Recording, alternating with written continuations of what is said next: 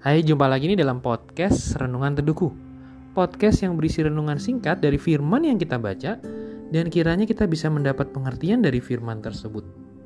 Nah, dalam episode kali ini saya ingin mengangkat tema tentang dipersatukan dalam kebangkitannya. Nah, kita akan mendasarinya dari Yohanes pasal yang ke-20. Injil Yohanes pasal 20 ayat yang ke-17. Kata Yesus kepadanya, Janganlah engkau memegang aku sebab aku belum pergi kepada Bapa. Tetapi pergilah kepada saudara-saudaraku dan katakanlah kepada mereka bahwa sekarang aku akan pergi kepada Bapakku dan Bapamu, kepada Allahku dan Allahmu. Nah, eh, menghadapi momen Paskah gitu ya. Sebelumnya tentu ada Jumat Agung ketika kita memperingati bahwa Yesus mati buat kita, menebus dosa kita di kayu salib, tapi tidak berhenti di situ karya uh, agung Tuhan. Karya terbesarnya ketika dia mati di kayu salib dan kemudian menebus dosa kita itu digenapkannya dengan kebangkitannya yang kita rasa, yang kita rayakan sebagai hari Paskah gitu ya. Nah, ketika perikop ini yang kita baca nih ya, Yesus menampakkan diri kepada Maria Magdalena. Lalu di salah satu bagian ayat yang kita baca tadi, Tuhan Yesus mengatakan bahwa aku akan pergi kepada Bapakku dan Bapakmu, kepada Allahku dan Allahmu. Nah, menarik ketika saya merenungkan bagian ini, lalu eh, Tuhan memberikan pada saya hikmat bahwa ternyata kebangkitan Tuhan Yesus itu mempersatukan antara manusia dengan Allah kembali. Setelah sebelumnya manusia dan Allah terpisah karena dosa kita, karena dosa manusia. Tapi kebangkitan Yesus setelah kematiannya di kayu salib menebus e, dosa setiap semua manusia gitu ya.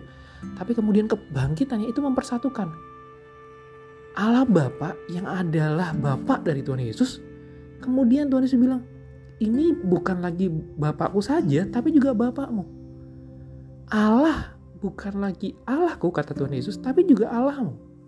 Jadi itu mempersatukan kita yang tadinya berdosa, kemudian dikuduskan kita yang tadinya tidak benar kemudian dibenarkan oleh kematian Kristus dan kebangkitannya. Jadi kebangkitan Kristus memiliki makna yang cukup dalam bahwa Yesus mempersatukan ibaratnya Yesus jadi jembatan yang tadinya tidak ada jembatan dari kita manusia berdosa kepada Allah yang kudus, Yesus jadi jembatan itu. Dia mempersatukan antara manusia dengan Allah sehingga kemudian kita bisa kembali kepada pencipta kita. Menarik untuk melihat hal ini dan merenungkannya.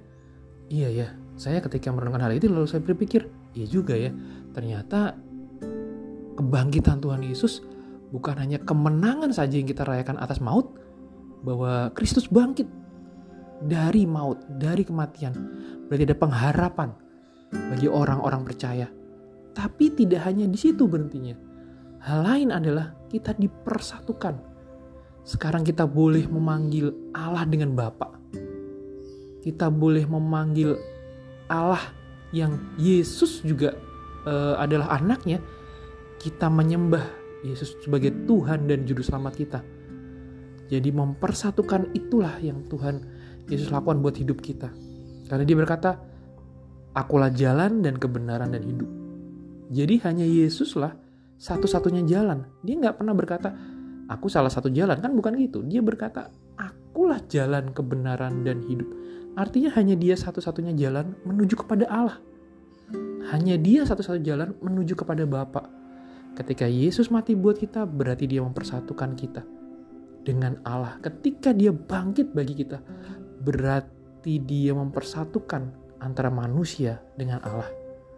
Mari kita merenungkan bagian ini Paskah itu berarti kemenangan kita juga atas maut karena kita percaya Yesus sudah bangkit dan dia menang atas maut.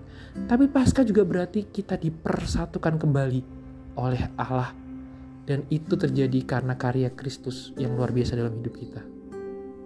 Kiranya firman ini, renungan ini bisa jadi kekuatan dalam kehidupan kita. Selamat Paskah, Tuhan memberkati.